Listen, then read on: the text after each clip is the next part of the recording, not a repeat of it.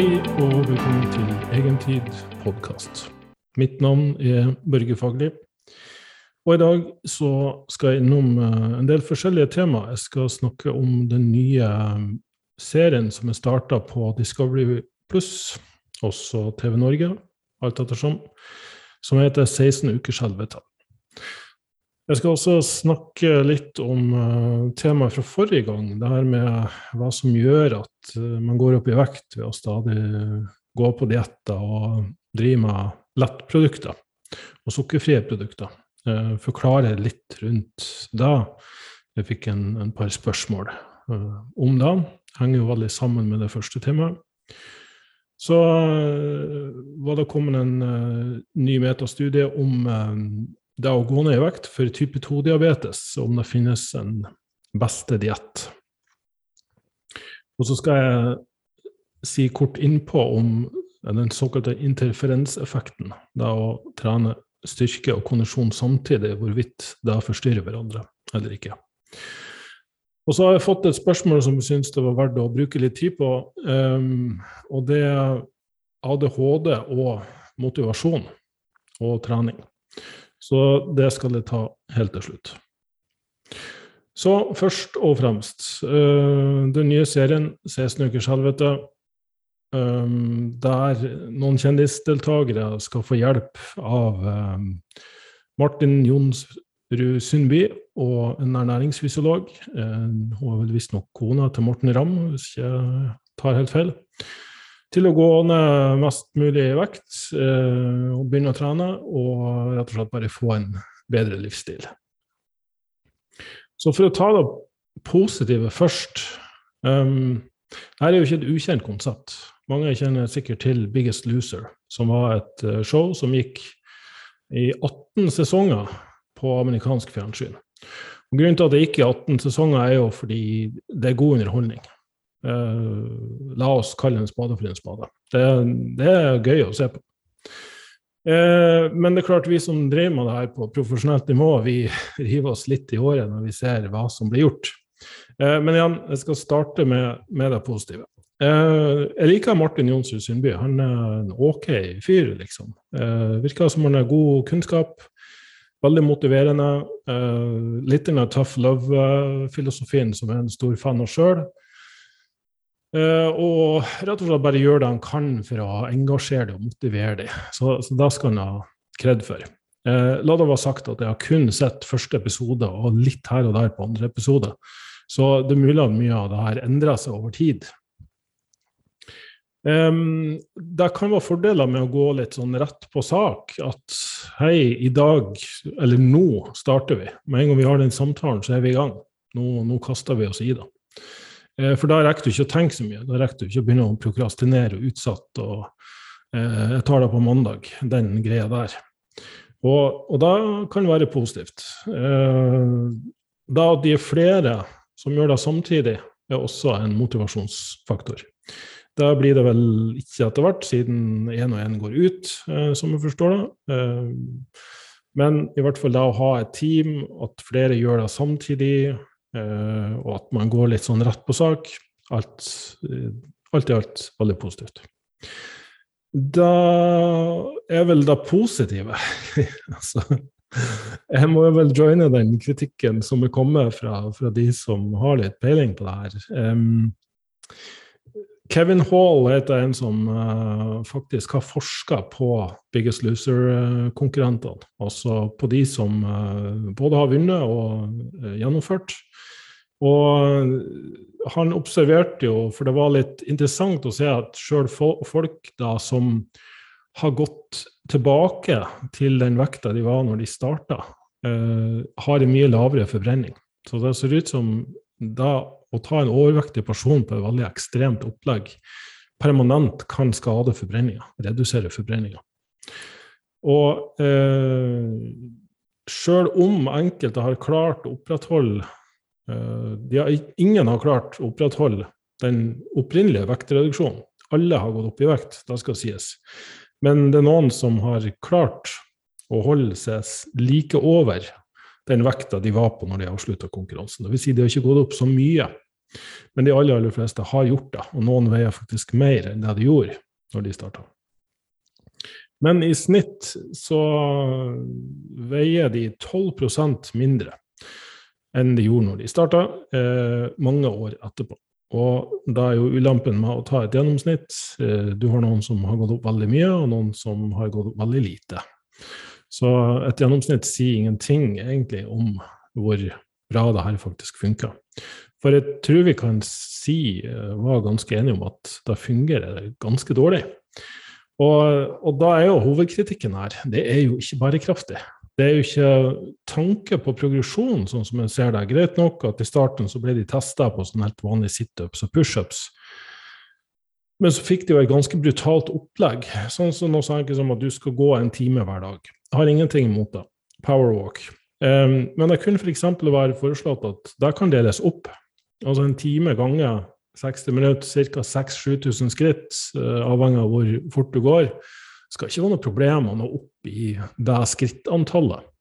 Um, kanskje ikke i det tempoet som de da ønska at de skulle gå i. Uh, men det å dele opp i 20 minutters, 3 ganger 20 minutter, kan kanskje gjøre det litt mer overkommelig for mange. Det er jo det ene. Styrkeprogrammet var litt vanskelig å vurdere, for i hvert fall måten det var filma på, hoppa litt hit og litt dit. Eh, men det at de kunne ha brukt kanskje litt mer tid på å instruere dem og ta dem gjennom ei felles treningsøkt der de fikk eh, korrigering og justering på teknikk, sånn at de gjorde alt eh, med korrekt teknikk, hadde nok vært veldig lurt. Og progresjon. Da starte med lette vekter tilpasset der de er nå, og så ha en sakte, men sikker oppbygging i belastning. Eh, et eh, undervisningsopplegg underveis, sånn at de kunne forstå hva som var viktig å prioritere og fokusere på. Det tror jeg hadde gjort ting mye bedre, i hvert fall i mitt hode. Eh, og klart, det å gå fra null til såpass mye trening ja, har ikke helt sansen for det. Eh, faktisk så visste de, de studiene på Biggest Loser-konkurrentene at grunnen til at de holdte forbrenninga så lav, ser ut til å være nettopp da at de opprettholdte treningsmengden etter programmet var over. Og at det gjorde sitt til at det holdt de lavt i metabolsk eh, rate, eller hastighet. Og da har vi denne constrained energy-hypotesen som Herman Ponser har lagt fram. Jeg har snakka om det i en tidligere podkast, det her med at Hadsa-folket eh, har omtrent samme basalforbrenning og aktivitetsforbrenning som da en eh, vestlig sofapotet har.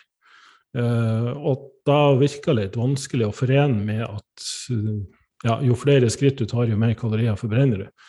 Men da ser altså da ut til at kroppen har sånn konserveringsmekanisme som uh, gjør at du får ikke lov å ta ut mer enn et visst antall kalorier før at den begynner å nedregulere andre systemer for å, for å spare energi. Og Det samme gjelder da å skal gå på et dramatisk kaloriunderskudd. Da vil kroppen kompensere mye hardere for deg ved å regulere ned eh, stoffskiftet. Rett og slett fordi at kroppens eh, enhver en organismes eh, prioritering det er nummer én overlevelse og nummer to reproduksjon. Muligens kan vi skvise inn noen flere prioriteringer inni der, men sånn rent fysiologisk så er det det aller viktigste. Det er å sørge for at du ikke dør av underernæring, og at du er i stand til å videreføre genene dine. Eh, og det er klart, da vil et veldig ekstremt opplegg som har altfor lite mat, eh, for da det var ikke akkurat noe kalorioversikt der, så det er vanskelig å vurdere. Men ut ifra det jeg så at deltakerne spiste, var det veldig lite mat. Uh, Pia Seberg eh, posta vel gjerne noe på sosiale medier om at hun har prøvd å spise det de spiste i løpet av dagen, og det var sørgelig lite. Så igjen, det kommer det med bærekraftighet inn. Uh, nummer én, så, så, vidt du kunne se, så var det vel satt opp til seks måltid. Altså, jeg har gjort det her i 25 år. Jeg har aldri spist seks måltid per dag. Aldri. Uh, jo, tror, jo, nå lyver jeg. Jeg har vel gjort det i korte perioder, men det har vart noen få dager, og så gidder jeg ikke. Fordi det å skal gå og fokusere på mat kontinuerlig er ikke spesielt bra. Altså, hvis målet er å gå ned i vekt, så burde du få et matopplegg som går på automatikk, sånn at du slipper å tenke så mye på mat. Eh, da vil det være en mye bedre eh, strategi enn at alt skal dreie seg om mat og trening. Eh, da, da, er det fort gjort faktisk at uh, man faller fra. Og det var satt opp, så vidt jeg kunne se, til to proteinshaker per dag. Altså, jeg står bak et, et merke som, som har utvikla og solgt kosttilskudd, My Revolution. Jeg har gått ut av det nå, da. Men um, jeg er den første til å si at for å gå ned veldig mye i vekt um, Ja, for all del, man kan forsvare det, men når du skal Jeg har også skrevet en artikkel om proteinsparende modifisert faste. Og da går kun ut på å spise magre proteinkilder og grønnsaker. Protein for å bevare muskelmasse, um, grønnsaker for vomfyll, og så rett og slett så lite kalorier som mulig uh, over en kort periode for å kickstarte vektreduksjon. For det kan være motivasjonsfaktor for mange. I 16 uker not so much. Altså det anser jeg for å være uh, uforsvarlig, rett og slett. Og der er det også vektlagt at du skal spise mat. Du skal ikke drikke i proteinshaker. Uh, det er gitt som et alternativ, men det mest mettende er jo selvfølgelig å spise mat, ikke å drikke den. Og så når jeg så et sånn mellommåltid som ei spiseskje med peanøttsmør um, WTF, sier jeg bare. altså, hva, hva, i alle dager? Altså, Jeg betviler ikke kompetansen til den personen som har satt opp det her, men det bare høres veldig snålt ut. Uh, hva med å ha noe som, som, faktisk er et fullverdig måltid med karbohydrater, protein og fett? Eller i hvert fall proteinrikt, altså lite karbohydrater og fett. Uh, men det er i hvert fall min innstilling til det. Um, og jeg syns vel i bunn og grunn ikke at det så spesielt velbalansert ut. Um, og jeg tenker at Hadde jeg spist tre eller fire gode måltid, proteinrike med mye grønnsaker, så hadde det her vært langt enklere å, å følge. Og så kanskje til og med Selvfølgelig er ikke det her noe som funker for alle, uh, men det å ha en bit eller to med et eller annet godt For det er noe med å få den belønningsverdien, smakfullheten, som også kan være veldig viktig Altså, jeg har jo satt opp uh, dietter med veldig lite kalorier til folk uh, som trenger å gå ned mye i vekt. Og den mest vanlige tilbakemeldinga jeg får, det er at det her er så mye mat. Og det er jo en skikkelig aha-opplevelse for mange, og et godt referansepunkt i stedet for den her Ja, nå skal du altså tynes og pines de neste 16 ukene. Eh, for da virker det ikke som det har noen ende. Så jeg er bare veldig bekymra for bærekraftigheten, eh, og jeg håper at dette er noe som blir tatt tak i underveis. Eh, og jeg kunne ønska meg mer fokus på progresjon og et litt mer bærekraftig opplegg. Det er vel det meste jeg kan si i forhold til kritikk. Det var sluppet tre episoder, så jeg skal prøve å følge med litt underveis. Men igjen, jeg er en stor fan av at folk tar tak i ting og forsøker å endre livsstilen sin. Men jeg tror bare det kan gjøres på en mer overkommelig måte. Så da er min vurdering av den serien. Så eh, var det da som et eh, litt sånn relevant tema i forhold til hva jeg snakka om forrige gang Altså hele essensen i det jeg snakka om, var rett og slett at vi gjør mer ugagn enn nytte ved å stadig vekk gå på diett og tenke restriksjoner og kaloriunderskudd.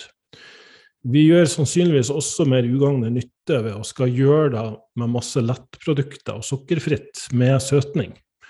Fordi fysiologisk sett så har vi en sånn evolusjonær mekanisme, en, en maskin som har eh, alltid hatt forutsigbarhet. Det vil si at den maten du ser, og den maten du spiser, og den maten du smaker på, den har en viss nærings- og energiverdi, altså kaloriverdi. Og når vi begynner å tulle med den i vår tilsynelatende intelligens, så ser ikke organismen ut til å svare korrekt på det. Eh, og når vi begynner å berike mat med Eh, alt fra kunstig søtning til vitaminer for å kompensere for at det er en annen næringsverdi og kaloriverdi enn det det egentlig er, så, så kan det i hvert fall for de aller, aller fleste, fordi det bare ser ut til å være en, en uh, evolusjonært betinga strategi som slår inn, da, det at vi, vi klarer ikke å regulere uh, appetitten, matlysten, i henhold til fysiologiske behov. Eh, må huske på at dette er en veldig overordna forklaringsmodell. Sånn at alle studier som da er utført på relativt kort, eh, kort tid, én eh, til åtte uker typisk, kanskje opp mot ti-tolv uker, de viser jo at folk kan gå ned i vekt. Og da å bytte ut sukkerfri brus med kunstig søtning ser ut til å ha en positiv effekt. Men eh, over lengre sikt ser det allikevel ikke ut til å ha den forventa effekten, sannsynligvis da fordi at kroppen tar igjen det tapte. Det er på samme måte sånn at alle dietter funker jo så lenge du går på dem, men det er tida etterpå som er problemet. Det er bærekraftigheten. Og da kan jeg gjerne nevne denne eh, metastudien som eh, kom ut ganske nylig, om eh, hva er den beste dietten for å kurere type 2-diabetes, eller for å håndtere, i hvert fall. Få se en forbedring i type 2-diabetes. Og da er det jo primært da å regulere blodsukkeret bedre, og mest av alt gå ned i vekt, fordi de aller fleste med type 2-diabetes uh, har eh, for høy BMI. Og den praktiske konklusjonen Eh, og her har de studert alt fra ketogene lavkarbo til plantebaserte til eh, alle mulige som du kan forestille av navn og strategier. Ekskludering av uh, alt fra makro til mikro til matvaregrupper. matvaregruppe. Så står det bare rett og slett at alle dietter er like effektive, og at det er i bunn og grunn livsstilsendring og atferdsendring vaner som er det aller viktigste for å gå ned i vekt og holde seg der. Og da å kunne holde seg til noe uh, over tid er nummer én. Uh, og for at du skal kunne holde til noe over tid, så tror jeg ikke at restriksjon fungerer. Uh, det fungerer på kort sikt, men ikke på lang sikt. Fordi en vakker dag så krasjer viljestyrken din med livets realiteter. Eh, og derfor er det at det maser så mye om å Du må like maten din. Sant? Eh, som de eksemplene jeg ga i forrige episode, om at i Italia har de omvendt årvekststatistikk. Det vil si at Da er de aller fleste normalvektige og noen svært få overvektige. Mens i de vestlige, mange vestlige land så er, det, så er opptil 70% overvektige. Eh, og Italia har noe av den mest smakfulle maten og kaloririke maten på planeten. Men hele filosofien deres er at altså de diskuterer oppskrifter, ikke kalorier og makroer. Eh, de ønsker å eh, både lage maten sjøl fra bunnen og argumenterer gjerne hvordan de skal lage alle mulige sauser og, og retter, sånn at den smaker mest mulig. Og så gjør de måltidet til en opplevelse. Altså, de kan bruke tre timer på en middag med familien, der det nytes. Og der klarer de altså å regulere. Og der kan det også se ut til at uh, Altså, det, det, er et godt bevis på at jeg tror vi har et innebygd instinkt. Men jo mer vi prøver å tulle med det og lure hjernen, så er det bare oss sjøl vi lurer. Uh, og, og, det er egentlig stort sett det det koker ned til. Og derfor er jeg i hvert fall i min coaching så opptatt av at du skal like maten du spiser. Du skal ikke Altså hvis noen gir signal om at du, da du har satt opp til frokost der, ja, jeg får deg i meg, men jeg føler jeg må presse deg i meg. Og nå har jeg gitt deg noen dager, og, og jeg syns bare det er helt grusomt, men jeg skal klare deg, type. Det er sånn, nei, men selvfølgelig skal du ikke det. Du skal ikke presse i deg mat du ikke liker. Eh, vi liker forskjellig mat, og da må vi heller finne ut av hva du liker, som, som også er næringsrikt nok. Eh, og der er også veldig viktig, ikke bare kalorier, men også næring. Eh, så når du har fått næringsbehovene dekka, og der kommer det nok eh, inn litt mer kunnskap, fordi vi i, altså går du inn i en dagligvarebutikk, så har vi så mye å velge i. Og det er ikke noen naturlig variasjon gjennom årstiden, sånn som det har vært, vært tidligere. Gjennom tusener og, la oss si millioner av år også. Sånn at den naturlige variasjonen og da å velge ting ut fra smak og kvalitet det, det, er vanskeligere å få til for et moderne menneske. Og i, i hvert fall ikke i den kulturen vi, vi vokser opp i, der eh, det tilbys kaloririk, næringsfattig mat overalt.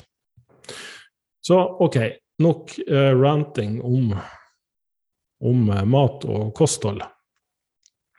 Så det neste jeg tenkte jeg bare skulle ta opp her sånn kort, det var en ny metaanalyse som så på det her med concurrent training. Dvs. Si at det å trene styrketrening eller eksplosivitetstrening eller muskelbygging og kondisjon samtidig, er det mulig å få til.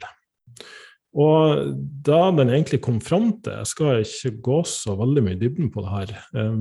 Min sånn anbefaling har vært at jo mer ulik treningstypen er, og jo lengre varighet det er, jo mer bør du separere den. Så da å trene tung styrketrening og langvarig kondisjonstrening uh, er sjelden lurt å gjøre like etter hverandre.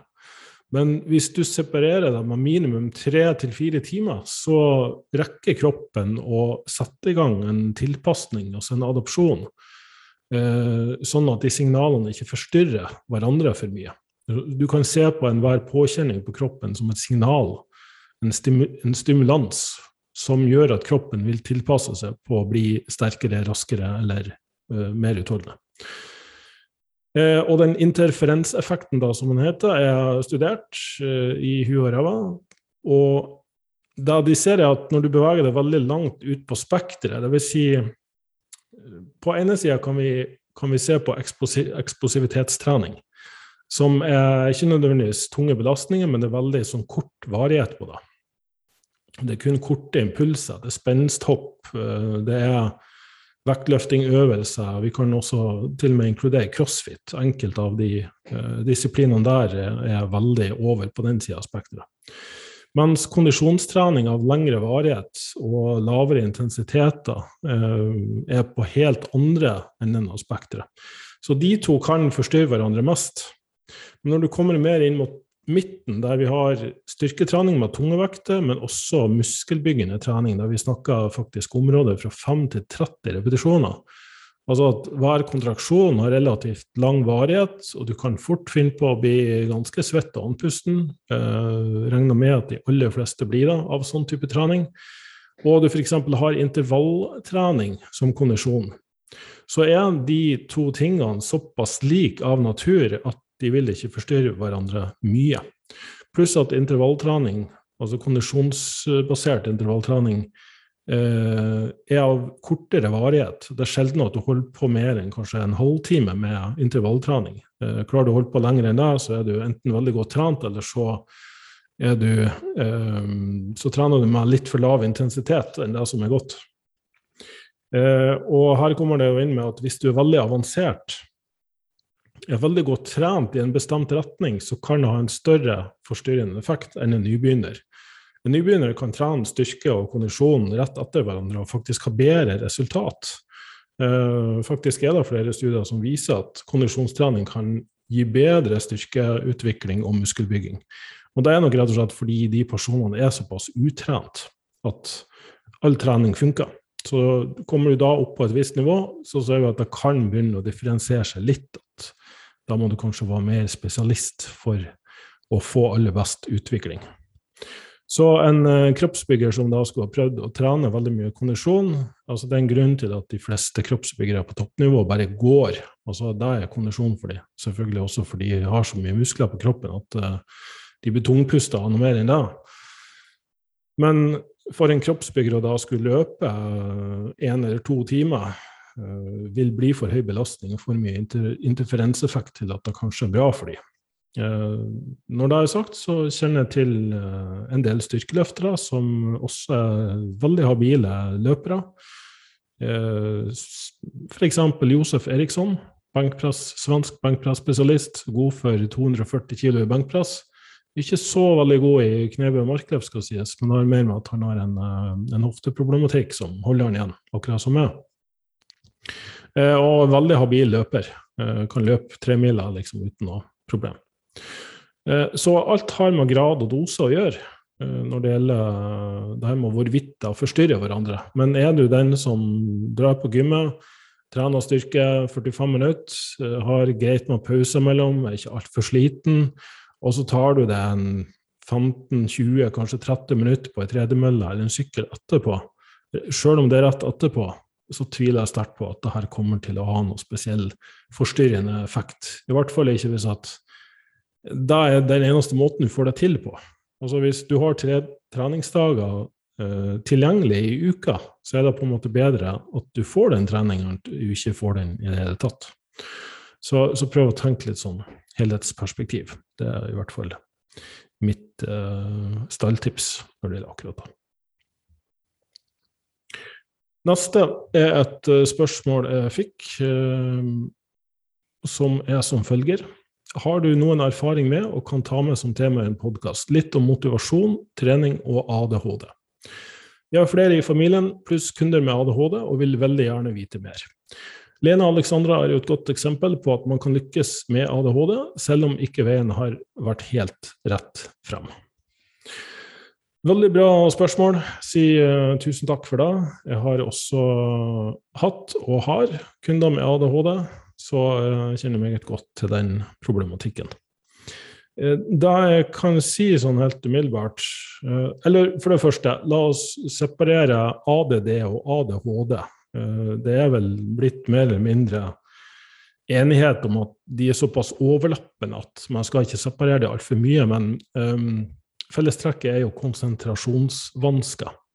Det er vanskelig å holde fokus, og i hvert fall opprettholde over tid, og det regnes som at man har dårligere arbeidsminne enn normalt.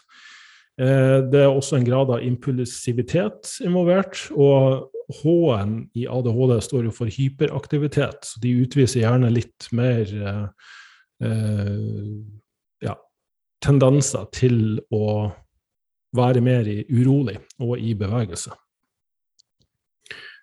Så eh, for å gå rett på spørsmålet, da. Motivasjon og trening. Eh, det som er med folk med ADHD Min erfaring er at eh, det har fungert å regulere, endre på kostholdet. Eh, jeg er jo også faglærer på Tunsberg medisinske fagskole, som mange allerede vet. Og der er det egne fag som handler om hvordan man kan tilnærme seg akkurat den diagnosen. Noen har god erfaring med å kutte ut gluten, kutte ut meieriprodukter, eh, sukker, følge lavkarbodietter. Det er faktisk gjort forskning på ketogene dietter, der de har sett at eh, barn med epilepsi også blir veldig mye roligere. Så i den grad at dette er en dysfunksjon i, i hjernen og, og um, Altså, det er jo primært dopaminsystemet som ser ut til å være affektert av ADHD. Så, så kan det i hvert fall være verdt å eksperimentere med, men, men forskninga er veldig sprikende. Det, det, er kanskje greit å, å si. Um, men jeg har god erfaring med Jeg har vært med på at jeg har lagt om kostholdet til eh, familiemødre og -fedre som så har innlempa dette kostholdet eh, for hele familien, og gitt meg tilbakemelding om at det var en bivirkning de ikke hadde venta, men det var at barna med ADHD-diagnoser ble mye roligere. Så at kosthold har noe å si, det er i hvert fall overbevist om, men i hvor stor grad det har noe å si, kommer selvfølgelig an på eh, ja, veldig mye. Så det gir ingen garanti. Eh, det finnes også kognitive tilnærminger tilnærminga til eh, ADHD, der eh, man kan Altså, hvordan oppsto det? Det kan være ting som har skjedd i oppveksten med riktig disposisjon, og, og dermed så utløste det denne atferdsvansken. Uh, Dette er et veldig komplekst fagfelt, og forskninga er som sagt veldig sprikende. Så, så er jeg den første til å si at jeg har ingen fasitsvar her i det hele tatt. Men jeg har en holistisk tilnærming, så jeg ser på mennesket som helhet. Og sjøl om den mest anerkjente terapien eller behandlinga for ADHD er medikamentell, dvs. Si å gi de stimulanter, eh, så er det jo ja, i mitt hode et tegn på at det er personer som bare trenger mer stimulering. Og det viser at nettopp at bevegelse gjør at personer konsentrerer seg bedre når de har ADHD-diagnosen. Eh, så faktisk noe så enkelt som gåmølle, eller det å kunne gjøre oppgaver mens de går eller løper. Eh, mange som opplever rent sånn anekdotisk sett at det roer de ned og gjør at de får mer fokus. Så trening veldig veldig positivt. Da, da ville også vært en sånn førstelinjeintervensjon utover eh, de medikamentbehandlingene. Eh, og jeg skal ikke, heller ikke påstå at lavkarbo eller ketogene dietter vil være noe, noe fasitsvar for alle. Jeg, jeg, tenker som så at eh, blodsukkerregulering kan innebære at man må redusere karbohydratene, i hvert fall tilpasse de til personens aktivitetsnivå eller behov. Men uh, jeg tror ikke svaret ligger i at vi skal eliminere eller kutte ut karbohydrater. Men, men hva enn som forårsaker en stabiliserende effekt, er i hvert fall verdt å, å utforske. Så igjen um, motivasjon. Uh, og, og selve kjennetegnet på ADHD er som nevnt fokus, og det å kunne opprettholde over tid, og at de har begrensa arbeidsminne, dvs. Si evnen til å holde flere konsepter eller elementer i bevisstheten sin samtidig. Eh, og det her er ikke en viljestyrkegreie. Det, det, handler rett og slett om hvordan hjernen fungerer til de her personene. Så, så med en forståelse av det at den fungerer annerledes, men jeg, jeg synes ikke, eller liker ikke å si at det er noe som er riktig og galt. Eh, det er feil. og det er, altså, At det er noe i veien med en person som har ADHD. Det er mer sånn, ok, men Hjernen din fungerer annerledes. Når du forstår det, så kan det her kanaliseres og fokuseres og brukes til noe. Eh, faktisk sies det at eh, Leonardo da Vinci hadde ADHD. Han hadde det karaktertrekket at han satte i gang med ganske store prosjekter, inkludert kunstverk og oppfinnelser, og kunne finne på å avslutte de når som helst. Hoppa veldig mye rundt. Eh, og det skrev en hel bok som heter The Da Vinci Syndrome, som gikk eh, på da at svært mange kreative mennesker har ADHD. Eh, det er vel gjerne også konkludert med at Elon Musk, verdens rikeste mann, har ADHD. Så i den grad vi da kan si at det er noe i veien med de, så er det at uh, hvis det her kanaliseres på riktig måte, så, så, er de kjent for å ha stor suksess, i hvert fall målt med de parametrene det moderne samfunn setter pris på. Så uh, noen aktiviteter og, og, prosjekter går helt fint, og andre er litt sånn Jeg leste en metafor som jeg syntes var litt, uh, litt interessant. Det var en som forklarte ADHD som at du hadde erektil dysfunksjon, eller slapptiss, som vi sier nordpå. Og da er det sånn at hvis, hvis, noe tenner deg, hvis det er noe som virkelig interesserer deg, og, og så er du klar for det, da kan du prestere og gjennomføre. Men hvis at det er noe som du burde være interessert i, men som du kanskje innerst inne ikke er, eller at du får litt overtenning rett og slett på det du skal sette i gang med, så svikter systemet. Da klarer du ikke å gjennomføre. Og så går man gjerne inn i en uh, lengre prosess og runde med, med å mobbe seg sjøl og plage seg sjøl og, og, bli veldig nede da, fordi man ikke fikk til det som man hadde uh, satt seg som mål at man burde klare.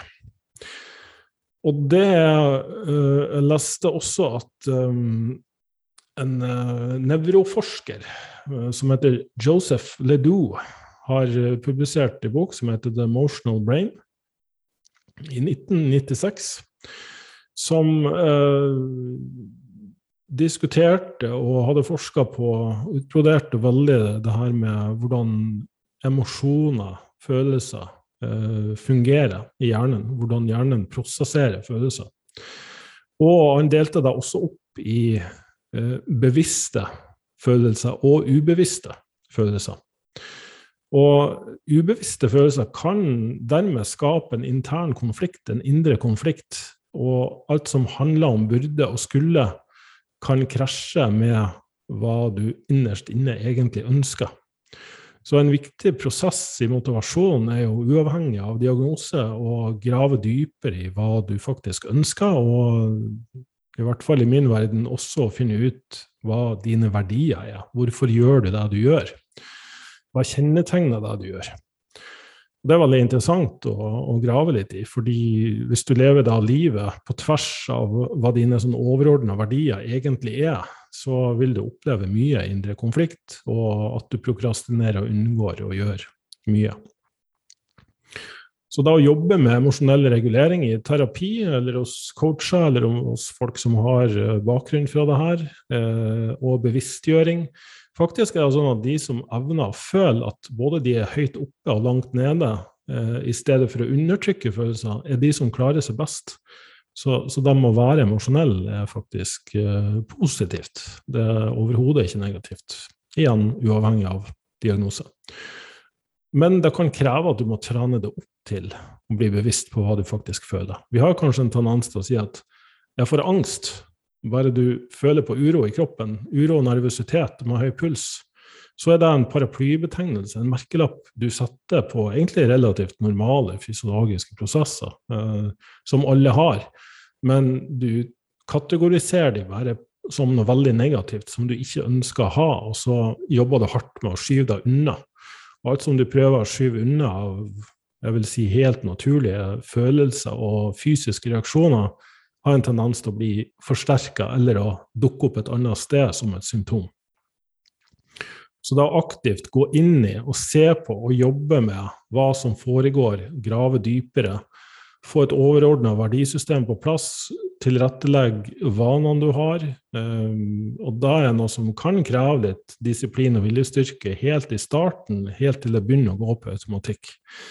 Uh, så gjør du ting mye enklere for deg sjøl, Uh, og i tillegg å se på hva er det som trigger deg i positiv og negativ retning. Hva er det som gjør at du går inn i dysfunksjonelle vanemønster, unyttige tankeprosesser. Hva er det som, som trigger de følelsene?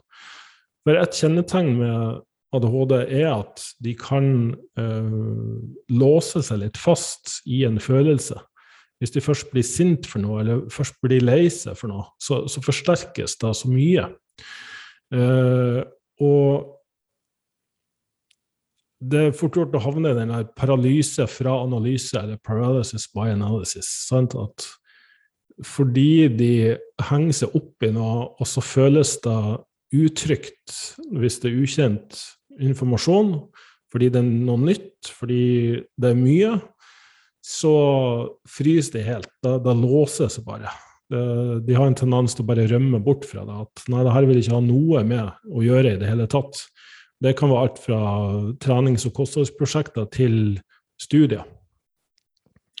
Så tipset der er jo selvfølgelig kanskje relativt åpenbart for de fleste, men ikke for en person med den diagnosen. Men det å jobbe med å bryte informasjon ned i mindre biter og ta én dag av gangen. Ett prosjekt, ett delmål av gangen.